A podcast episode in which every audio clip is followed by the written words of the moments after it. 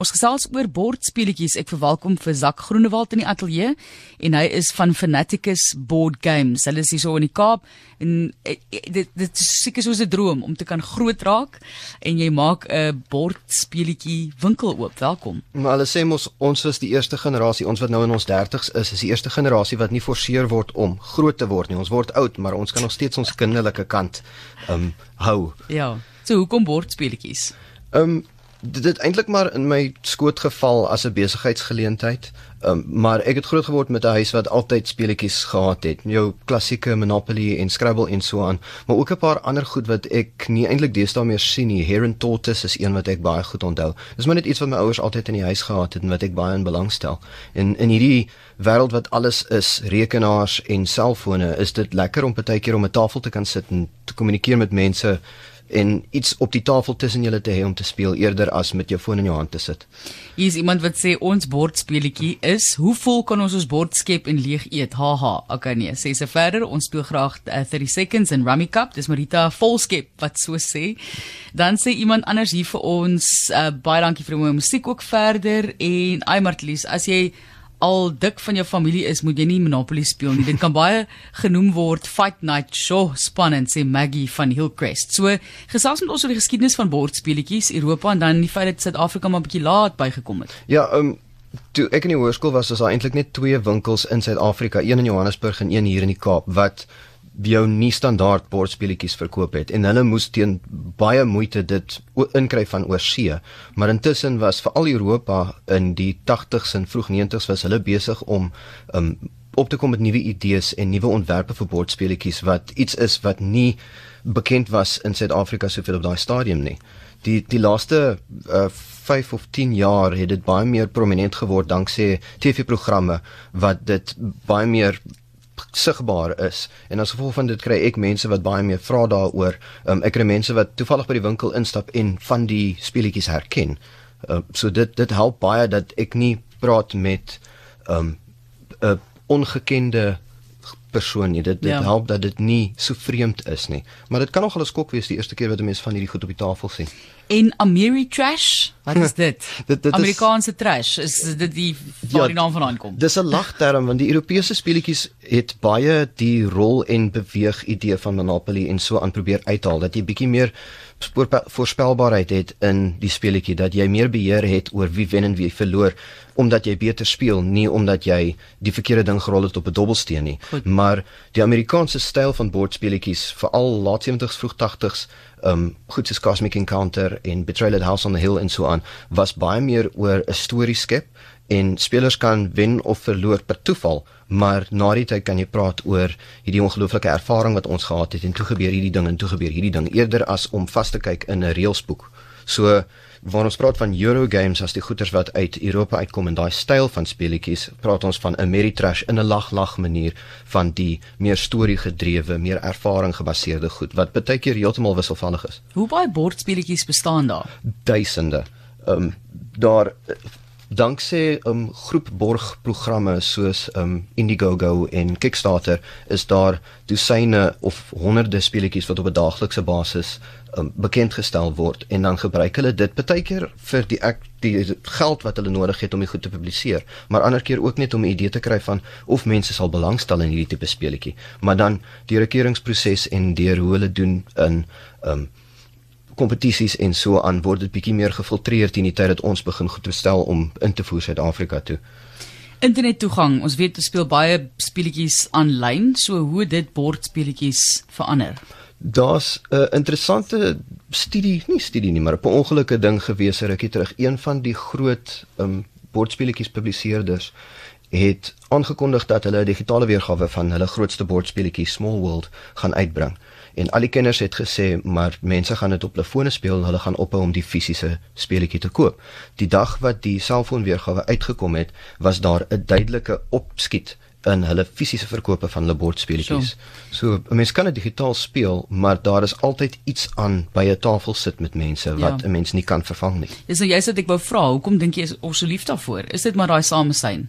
Ek dink ons sit heeldag by die werk agter 'n rekenaar en op die foon en Skype en al daai goed en ons ons soek weer daai daai kontak met ander mense, daai ek wil sê stilte nie, want daar's gewoonlik musiek aan wanneer ons speel, maar daai fisiese interaksie wat jy gesigsuitdrukkings kan lees.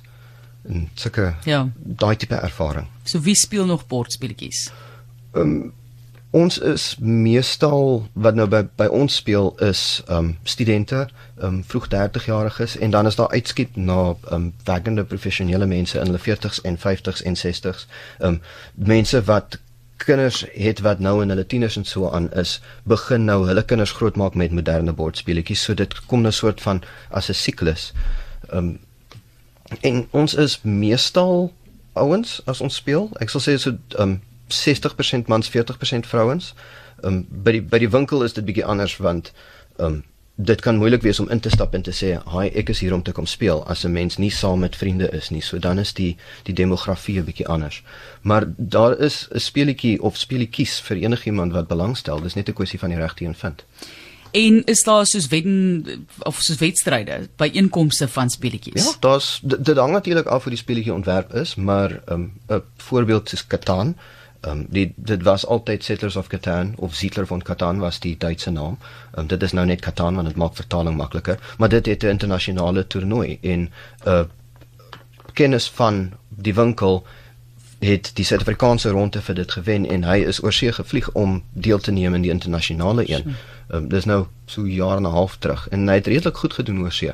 So ja, daar's definitief meer as net skaaktoernooie en um, ek het onlangs uitgevind daar is Scrabble toernooie ook, maar Catan is 'n goeie voorbeeld van 'n moderne bordspeletjie. Ek dink 2003, 2004 wat nou ook internasionale toernooie het en wenners. Maar daar is ook speletjies wat um, samewerkend is waar daar nie een speler is wat wen nie. Die spelers speel teen die spel en hulle wen of verloor as 'n groep wat ook dit beteken jy kan hom nie in 'n toernooi formaat skep nie, Ja. maar dit is 'n ander tipe ervaring as 'n toernooi formaat. Behalwe dalk skaak, nê. Nee.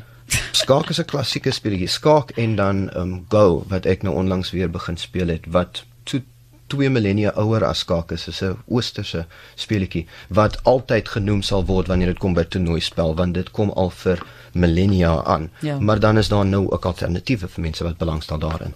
Ons gesels gou vinnig oor die feit dat mens moet eers jou produk uitprobeer voor jy hom koop of o, besluit of jy van die speletjie hou. Hoe voel jy daaroor? En blykbaar is daar winkels soos jy wat jy sê is redelik goedkoop en baie keer ook verniet. Ja, om te speel, ja. Um, Bordspeletjies is duur. Um die waarde vir geld is 'n baie beter proposisie as om byvoorbeeld fliek toe te gaan of um 'n musiekserie te koop, maar die probleem is jy moet nog steeds 'n paar honderd rand neersit om te begin. So wat baie winkels soos ons in doen is ons het 'n kabinet met oop speletjies wat jy kan inkom en vra ek wil sien hoe speel hierdie of jy bring jou vriende wat potensieel van daai selfde speletjies sal hou en iemand sal dit vir jou verduidelik of saamspeel en dat jy dit eers 'n paar keer kan ervaar voordat julle as 'n groep sê net maar besluit elkeen betaal 'n kwart dan koop ons dit en dit bly by jou huis of of daai tipe kombinasie. Kom ons kyk gou na die waarde as dit kom by opvoedkunde ook vir kinders. Ehm um, ek sal nie sê dit is 'n vervanging vir enige professionele opvoedkundige hulp of skool of so iets nie, maar daar is duidelike bewyse dat um, hoofreken, um, sosiale um, aspekte soos um, maniere en um, hoflikheid en so aan definitief aangehelp kan word deur die speel van bordspeletjies. Dis ook 'n goeie manier vir ouers om tyd te spandeer saam met kinders in 'n vriendelike omgewing wat nie altyd 'n pa en kind of ma en kind tipe atmosfeer is nie wat bietjie meer samewerkend is wat ook kan help om te sien waar daar leemtes is in kinders se opvoeding en waarna gekyk kan word. Maar ek sal dit nooit voorstel as 'n vervanging vir enige professionele hulp nie. Dit kan 'n aanhulp wees. Jy verwys na vier kategorieë waarin jy dit sou af kan opdeel. Kan jy vir ons sê en dan wat jy sal voorstel vir daardie kategorieë? Nou, ek sal daai daai notas moet gaan opsoek, maar Jy dit is jy, jy het gekyk na beginner byvoorbeeld. Wat is beginners? Ja, ja, vir mense wat van soos Scrabble of um skaak of iets soos dit afkom en hierdie tipe speletjies wil ervaar, is daar um daar het nou onlangs 'n Afrikaanse weergawe uitgekom van Catan, Ontdekkers van Catan, wat daar's nie soveel om te lees nie, maar dit help maar dat die reëls in Afrikaans is. Codenames het nou 'n Afrikaanse een, hy werk lekker saam met iets soos 30 seconds by 'n braai byvoorbeeld. Um Azul is nou besig om toekenninge te wen wat omtrent elke toekenning wat ek gesien het, want dit is 'n baie eenvoudige spel wat baie diepte kan hê as mense dit eers begin speel en daai is altyd 'n lekker kombinasie. Um, Azul het sulke baie nice teeltjies. Ja. Wat hy hy het 'n fisiese waarde wat baie nice is. En kampspeletjies, baie mense wat nou kamp op hierdie stadium. Ja, ek het ook 'n paar goed daar uit die winkel uitgegryp met my persoonlike kas uit om saam te vat om te kamp. Um goed wat nie 'n groot tafel nodig het nie, soos Quirkle is 'n mooi voorbeeld. Dit is sulke swart teeltjies amper soos Rummy, so dit is 'n alternatief vir Rummy en die die punte vir dit werk baie lekker. Um ek weet dit is baie moeilik om nou so Daar is ook daar is 'n klomp van hulle maar Ticket to Ride het jy byvoorbeeld ook genoem. So jy kan vir my e-pos stuur as jy met hom verbinding wil tree. Hm. Dis Zak Groenewald, dis die eienaar van Fanaticus Board Games. Hulle is hierso in Plattekloof in Kaapstad en ons kyk na die belang van bordspeletjies en vra vir jou wat jy speel by die huis. Iemand vra nou ook, jy het nou gepraat van Afrikaans, het jy 'n Afrikaanse weergawe van Scrabble? Ehm um, dit is iets wat snaaks genoeg deur Hasbro versprei word. So dit is eintlik iets wat mens meer by speelgoedwinkels kry. Goed. Dis dis meer jou jou hoofgang bordspeletjies. Maar dit is beskikbaar. Iemand sê ook ons speel Ticket to Ride in Caverna. Dit is ook 'n populêre een daarso en hmm. Power Grid is 'n fascinerende spel waar spanning tot die einde bly. Dit kom van een Marie. Hmm, ehm um, met Power Grid het ons altyd gespot jy probeer Eskom se werk vir hulle doen want die die bord is 'n klomp stede. Ek dink die oorspronklike een was um, Duitsland en die moderne weergawe is 'n kaart van Amerika. En jy bou kragstasies en jy maak koppelings tussen die kragstasies om om die um, aansoek van krag te probeer aan al die die stede verlei en jy kry punte volgens hoe goed jy dit doen maar om te versprei het 'n mens geld nodig wat jy kry deur ander goedes dit dit is 'n tipiese Europese styl bordspeletjie daai. Caverna ook alhoewel ek dit nie sal voorstel as 'n eerste bordspeletjie nie want hy's 'n bietjie meer diepte maar dit is 'n baie interessante speletjie. Is 'n bietjie moeiliker sê dalk sê? Ja nie moeiliker noodwendig nie maar 'n bietjie meer in diepte. Daar is okay. daar is meer om mense kop rondom te kry voordat jy lekker kan speel. Jy verstaan hom nie 100% die eerste keer nie. Dit vat so 'n paar spelle voordat jy hom regtig klik. Wonderlik dat 'n mens so 'n uh, liefde vir iets het en dan self ook daardie winkel sommer kan oopmaak en dit so leef. Baie dankie Zak dat jy kom ons kom inspireer het om meer bordspelletjies te speel. Ja, dit is plesier. En jou hele gunsteling, jy het gesê Catan, wat nog? Um, wat is jou gunsteling? My gunsteling op die oomblik is Ghost Ghost Stories. Dit is 'n samewerkende speletjie met 'n Japaneese dorp in die middel van die bord en dan elke speler sit om die vier kante en daar is spooke wat opkom langs die kant en dan die dorpie probeer aanval en die spelers moet rond beweeg en probeer om die spooke weg te hou. So, Ongelooflik wat wat hulle doen. Dit is pragtige handewerk ook mm, baie keer. En die kuns in dit is baie mooi.